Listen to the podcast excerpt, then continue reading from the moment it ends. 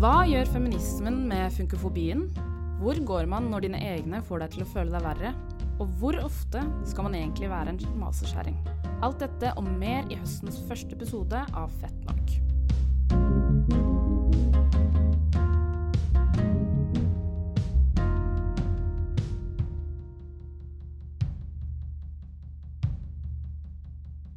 Velkommen tilbake til Fett nok, en podkast laget av det feministiske kulturtidsskriftet Fett. Jeg heter Mona Jibril, og jeg løy. Det er ikke mer i episoden enn det jeg nevnte. Og utenom å være en løgner er jeg også redaksjonsmedlem i tidsskriftet og podkasten, og vi er endelig i dag fysisk tilbake i studio. I dag har jeg med meg den ikke så nye lenger, redaktøren i Fett, Sumaya Girde Ali. Hvordan går det med deg, Sumaya? det går veldig bra. Ja, Mm. dette er jo ditt eh, aller første nummer, Mm. eh, og det handler om funksjon. Hvordan føles det med nytt nummer? Det kjennes veldig, veldig bra. Jeg er, altså det, en ting er jo altså Som forfatter og poet så vet jeg jo Så har jeg jo tidligere opplevd at når du har en idé, og du på en måte endelig holder den, så er det, det, det er en ubeskrivelig og euforisk eh, opplevelse. Og, og så forventer jeg at det skulle være det samme med det første nummeret som jeg har redigert, da, men det var faktisk enda mer stas, for å være helt ærlig. For det, det, her, er, det her er både det samme, men også veldig ulikt, fordi det er Et tidsskrift er jo et kollektivt arbeid, ikke sant? Mens eh, det å gi ut en bok eller å gi ut en diktsamling, det er mer sånn Det er, det er veldig sånn individuelt. Altså, det er my, Det er bare jeg som har uh, Altså, det er jo kollektiv i form av liksom Du har et helt forlag bak deg, osv. men uh, her har jeg jo en bilderedaktør, her har jeg i Fett, altså, og uh, to bokredaktører, jeg har redaksjonssekretær, jeg har veldig mange ulike Jeg har, jeg har to ulike redaksjoner i både Bergen og Oslo, så det er mange jeg kan tenke høyt med, det er mange som bidrar, og det er mange som Så det er et ordentlig, ordentlig kollektiv som er tilgjengelig, og som er dyktig, og som tar et tak på hver sin måte. Og jeg tror det er det som har gjort at det, det føles så mye mer eh, Jeg vet ikke givende, for å være helt ærlig. Ja. Ja. Ikke for å disse meg sjøl som poet eller, eller mine egne verk, da. ja, du syns dette er enda bedre? Jeg syns det er enda bedre. Men det er jo bra. Det er veldig bra at redaktøren har det gøy. Eh, en av de tekstene jeg likte veldig godt i det nye nummeret, eh, er av redaksjonsmedlem eh, Oda Oftung. Eh, det heter 'Grensene for ditt språk betyr grensene for min verden'. Der skriver hun litt Hun skriver om funkofobi og hvordan språket bidrar til det. Og da er det kanskje folk som lurer på hva funkofobi er. Mm. Det er et uh, relativt nytt ord, tror jeg. Uh, de, folk kjenner kanskje bedre ableism, som uh, betyr det samme. Men eh, det er rett og slett diskriminering av folk med funksjonsvariasjon, og at de blir eh, definert av sin funksjon og sett på som mindre verdt enn folk som er funksjonsnormative. Mm. Eh, kunne du det ordet fra før av, Sumaya? Ja, jeg, jeg husker ikke når jeg lærte det, men jeg, men jeg googla det like etter at jeg kom over det, og jeg syns det er ganske oppsummerende. Og så syns jeg også ableism, eh, eller ableist på engelsk, også er, er ganske dekkende. Um, Nå kan vi jo egentlig opplyse om at Oda skulle egentlig ha vært med i denne episoden, men hun kan ikke uh, allikevel. Uh, og, um, og det Oda har jo skrevet en veldig god tekst eh, som er veldig opplysende, og som er kritisk, eh, som stiller seg kritisk til det språket vi bruker i det dagligdagse. Da. Eh, Oda har sjøl funksjonsnedsettelse, og hun eh, skriver godt om hvordan eh, man blir definert da, eh, av funksjonsnormative kropper. Bare ordet 'funksjonsfrisk', f.eks. Det, det, var, det var et ord som jeg begynte å stusse ekstremt over etter dette eh, under, underveis i redigeringa av dette nummeret. Uh, for det er så mye som er så inngrodd. Det er så mange ord og uttrykk som er inngrodd i vårt språk. Oda skriver annet noen av våre kjæreste skjellsord kommer fra tidligere medisinske betegnelser for det vi for tiden kaller fysiske, kognitive nedsettelser og psykisk sykdom. Dette er ord som idiot, dum, krøpling og hysterisk. Vi tar i bruk nye ord fordi de gamle har fått en annen klang, en sur tone. Hvor lenge vil vi si funksjonsnedsettelse? Mm. Jo, men jeg husker også Eller det er et eller annet surt i det, for det er, sånn, det er negative konnotasjoner, ikke sant? Mm. Og det er eh, Men det er også litt sånn grenser på ting, fordi noen ganger så har du jo folk, sånn som Oda også skriver i teksten, at folk tar tilbake Mm. diverse ord, sånn som funksjonshemma. Mm. Ehm, så Men eh, det er jo Språket er jo flytende, og det er eh, alltid i bevegelse. Det er det absolutt. Men jeg tenker sånn, det, det er sånt jeg syns er veldig interessant. Og, liksom, man kan overføre til andre frigjøringskamper og likestillingskamper. Uh, F.eks. for eksempel N-ordet. Det er veldig mange som er en av de som syns det er veldig ubehagelig, og som mener at man burde egentlig ikke si det uavhengig av hvem du er. Men så har jeg veldig mange venner som er mørke i huden, som syns at det, det er deres ord. Ja, blant annet meg. Blant annet det. Um, men um, det fikk meg jo bare det bare ordet funksjonshemma. Det fikk meg til å tenke på Fritt Ord skal jo faktisk nå på torsdag utdele um, Fritt Ord-prisen til tre uh, forfattere. Olaug Nilsen, Bjørn Hatterud og eh, Jan Grue. For deres bidrag, uh, både sakprosa og i skjønnlitterær og Generelt i, altså Bjørn Hatterud er også kritiker eh, til norsk littera litteraturverden. eh, om, liksom, de har skrevet historier og, og, og, og skrevet veldig mye om hvordan det er å ha funksjonsnedsettelser. Og i bare annonseringa Jeg husker jeg så annonseringa på TV, jeg ble sinnssykt glad. eh, fordi det er virkelig tre sterke, dyktige intellektuelle som har virkelig lært veldig altså utdanna norsk offentlighet i en årrekke. Så det var på tide at de fikk den anerkjennelsen. Men, men selv i annonseringa så brukte eh, Fritt Ord ordet 'funksjonshemma'. Og det merker jeg at jeg reagerte på som en tung At de gjorde som en tung institusjon. Eh, for én ting er jo når folk med funksjonsnedsettelser bruker det om seg sjøl, eller bruker det, men det handler igjen om at jeg følte ikke at de selv i en eh, Nå skal vi anerkjenne at dere på en måte har eh, eh, Anerkjenne deres innsats, så er det likevel ikke sånn 100% med den bevisstheten om at nå benytter vi et språk som, et, som en maktorganisasjon som tidligere har blitt brukt for å holde folk tilbake. Så jeg syns det var litt ironisk. Ja, men gamle og tunge institusjoner har jo en tendens til å være eh, treigest. Så Mm. det er jo ikke så merkelig. Eh, men eh, jeg tror liksom folk ikke tenker over på en måte Funksjonshemma føler jeg at det er et ord de fleste vet at man ikke skal bruke. Eller Mm. det er et eller annet med det, liksom. Mm. Men det er veldig mange ting uh, man ikke tenker over. Mm. Uh, som jeg også Jeg begynte å tenke over fordi jeg begynte å følge flere sånne her, uh, Folk Altså influensere, rett og slett. Hun ene kaller seg for disability influencer, som heter Imani Barbarin. Eh, og noe av det hun har skrevet om, er at liksom folk sier til henne at eh, og det, altså, folk snakker hele tiden om det verste som kan skje dem, er på en måte at de får en eller annen funksjonsnedsettelse, da. Mm. At liksom hvis de blir blinde, så kan de like gjerne bare dø, på en Mm, måte. Mm. Og å snakke på den måten, på en måte, er ganske Ganske hardcore funkofobi, da. Som, altså, de sier jo rett og slett at eh, et sånt liv, sånn som hun lever og andre lever, ikke er verdt å leve, rett og Mm. slett. Det er helt Ja, det er, det er helt forferdelig, og det er ikke noe Det, det er så Språk er det, det er så mye Det er så mye vold i språk, og, og, og, og veldig mye av denne volden er vi ikke bevisst på. Oda skriver jo veldig godt om det. Hun sier jo blant annet eh, Når har du hørt hvordan det er å være eh, blind? Liksom, eh, bare, bare på en måte en beskrivelse av hvordan det er å være blind, forfatta av en blind person. Så, og det er jo det samme du på en måte er inne på. Hvordan det er jo som en marginalisert gruppe, så blir man definert. Og hun, Oda spør seg Hun sier jo eh, de fleste med synshemming lever ikke i et stummende mørke eh, uten evne til å orientere seg, slik det ofte beskrives av funksjonsnormative kropper. Og det, det, det, det Jeg skulle tro at vi visste bedre, men vi, vi gjør jo åpenbart ikke det. Mm.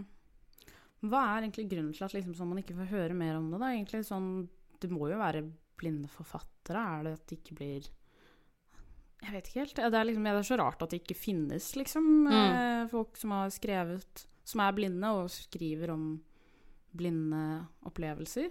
Jeg, jeg tror det handler veldig mye om liksom, hvordan man Altså, når, når du har en eller annen marginali marginalisert på en måte, Eller når du har en, en eller annen identitetsmarkør som er marginalisert, da, og du beveger deg innenfor sånn, Helene Hodne Sæle hun skriver jo veldig godt i nummeret om hvordan det er å være døv, eh, og hvordan hun navigerer seg i en hørende verden. Eh, det er en av de første tekstene i nummeret. Eh, og hun sier at hun, hun må jo Hun blir nødt til å imitere på en måte hvordan det Eller hun har i en årrekke imitert hvordan det er å være et hørende menneske. Så én ting er jo hvordan den en, en, ting er det språket, en ting er på en måte den manglende um, mangelen på inkludering. Men en annen ting er det konstante presset til å faktisk uh, jeg holdt på å si operere, men til å på en måte imitere den verden som til å begynne med ekskluderer deg på bakgrunn av de identitetsmarkørene du har.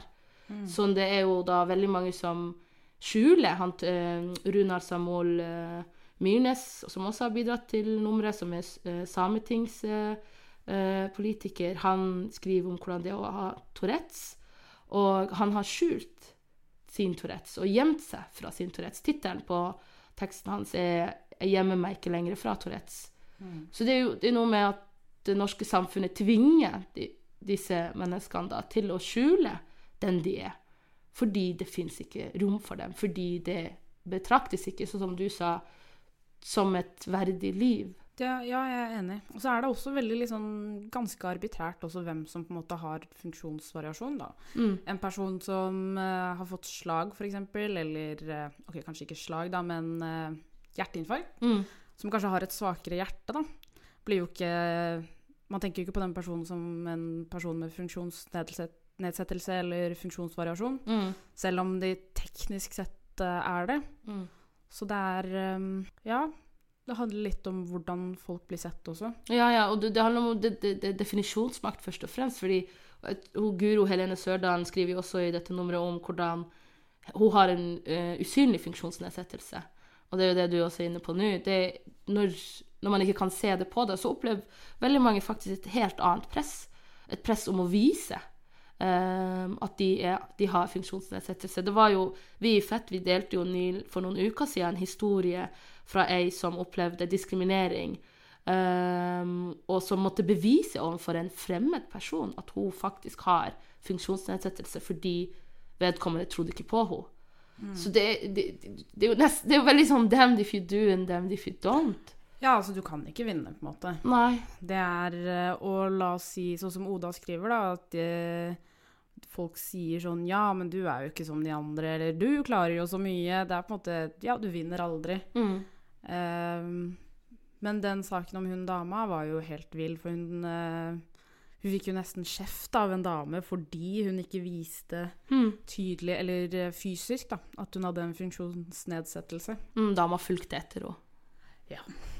Så det er helt uh, Men Nei, og hvis vi skal komme inn på jeg mener jo at alt dette også er feministisk, og, og i hvert fall interseksjonell feminisme. Men hvis vi skal komme konkret inn på uh, eh, det å liksom skjønn og, og, og, og eh, eh Kjønnsdiskriminering og blanda Eller altså når, når den diskrimineringa blir dobbelt. For det er jo han eh, Lars Grue, han skriver jo en tekst eh, som er basert på en undersøkelse han og ei anna gjorde for en del år sia.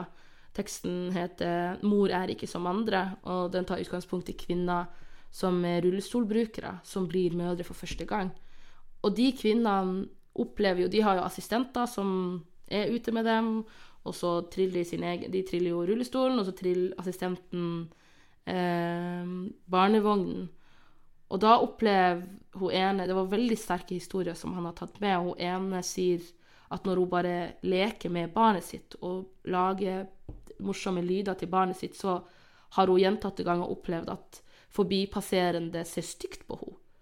Og da når hun på en måte forsøker å eh, De ser stygt på henne, og de snakker eh, stygt til henne, og noen stopper opp og sier Se på den dama og plager dette barnet. Eh, for de ser ikke på rullestolbrukeren, denne kvinnen, da, som en mor. De ser først og fremst hennes funksjonsnedsettelse.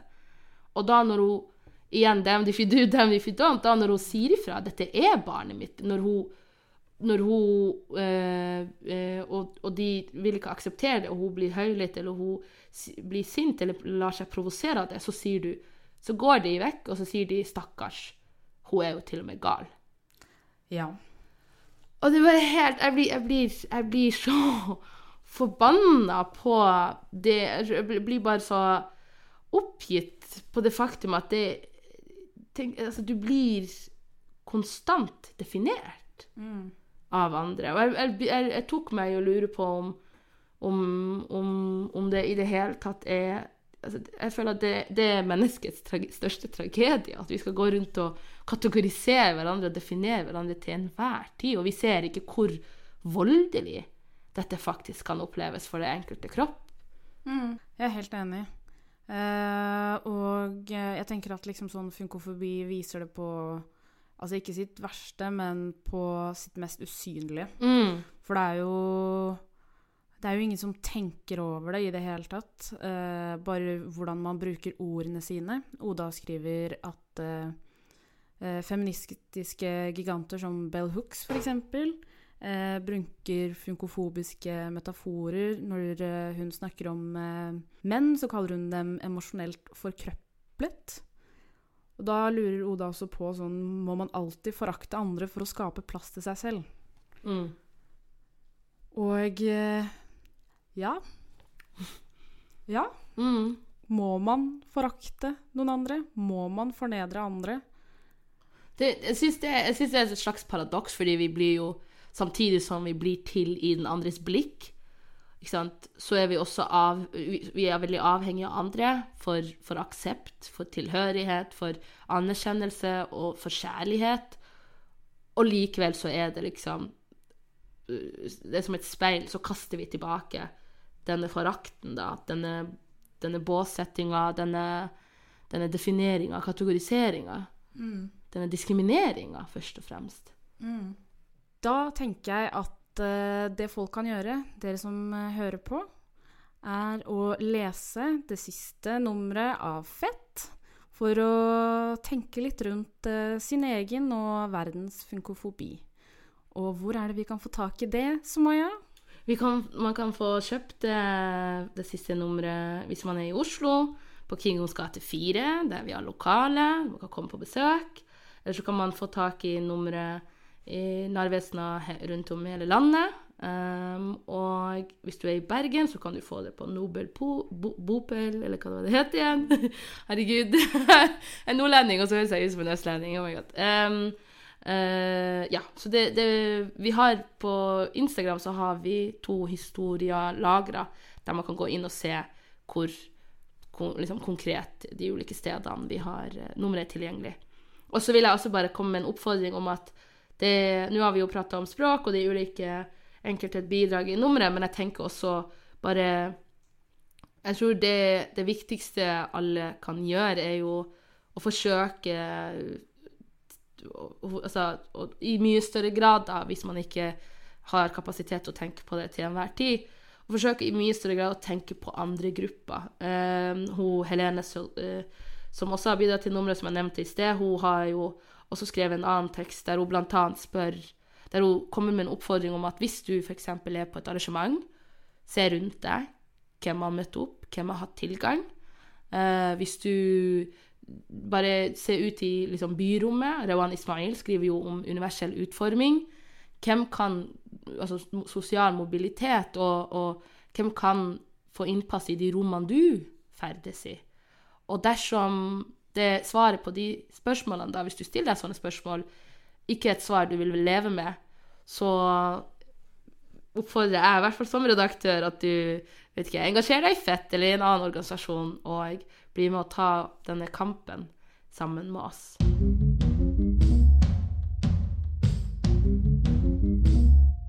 Dag eh, så har vi blitt eh, tilsendt et eh, feministisk eh, dilemma, som vi alltid tar imot, eh, forresten. Eh, og da spør eh, en av eh, våre hørende, lyttere, som det heter, eh, være den som alltid sier ifra på arbeidsplassen og blir stemplet som hun masekjerringa, som alltid skal lage problemer, eller sitte stille i båten og bli oppfattet som en positiv og omgjengelig medarbeider, og da bli gitt flere muligheter. Oi, oi, oi, oi, oi. Ja. Ja, det er liksom sånn Og sånne ting Et slikt dilemma skjer jo hver eneste dag, føler jeg. Mm. Når er det man skal holde kjeft, liksom? Og når er det man skal bråke litt? Altså, det kommer jo an på hva slags sak det gjelder, da. Uh, men hvis, hvis, hvis Altså, jeg, jeg, jeg tenker at det er veldig viktig at folk ikke blir begrensa, og at de ikke lar seg begrense.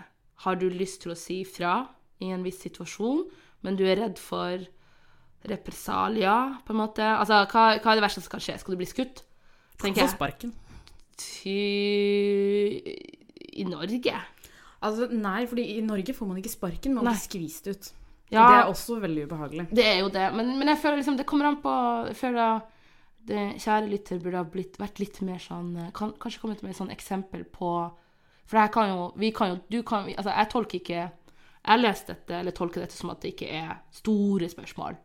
Det er liksom ikke Eller man, man kan sikkert tolke det sånn òg, men jeg, jeg, slik jeg tolka det, så tenkte jeg på sånne små hverdagslige eh, Nå må jeg ta hensyn til den sosiale dynamikken, eller nå må jeg være forsiktig med å ikke skuffe mitt publikum. Og jeg er veldig stor fan av at man skal skuffe ens publikum. Men virkelig, jeg føler ikke vi gjør det nok. Og jeg er veldig, jeg er veldig imot hele denne forestillinga om at man skal opprettholde en slags god stemning. Fordi, for å være helt ærlig, hvis du syns noe er et problem, så har det ikke eksistert noe god stemning, tenker jeg. Jeg er helt enig. Jeg er en forkjemper for uh, dårlig stemning. Mm. Fordi, vet du hva? Ehm, med god stemning hele tiden, så er det ingenting som blir gjort, liksom. Da sitter man stille i status quo.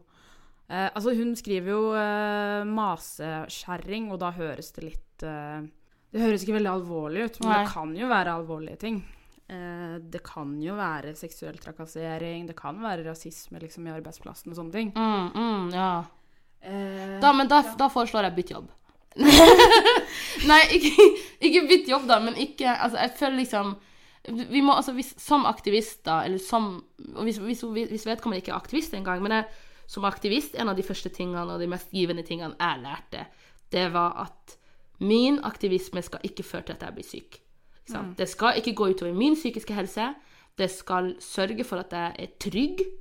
Um, og det skal sørge for at jeg kan leve, med, leve og sove og drømme og gjøre mitt med god samvittighet.